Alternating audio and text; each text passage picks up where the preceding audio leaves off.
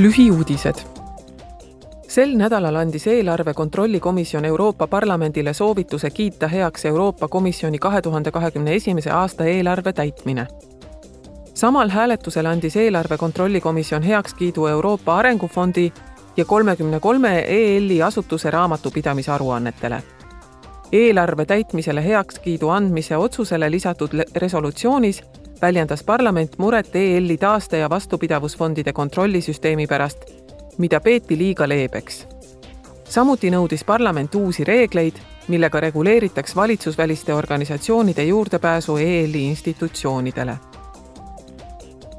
Euroopa Parlament ja Nõukogu jõudsid kokkuleppele puhtamate merekütuste üle eesmärk on vähendada laevade heidet kahe tuhande kahekümne viiendaks aastaks kaks protsenti ja kahe tuhande viiekümnendaks aastaks kaheksakümmend protsenti, et EL saavutaks kliimaneutraalsuse. läbirääkimistel õnnestus parlamendil kokkuleppesse lisada, et laevad peavad kasvuhoonegaaside heidet järk-järgult vähendama.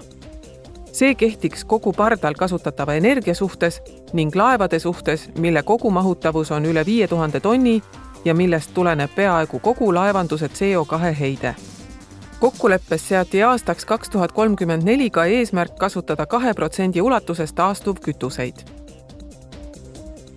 selgunud on Karl Suure Euroopa noorteauhinna kakskümmend kuus riiklikku võitjat.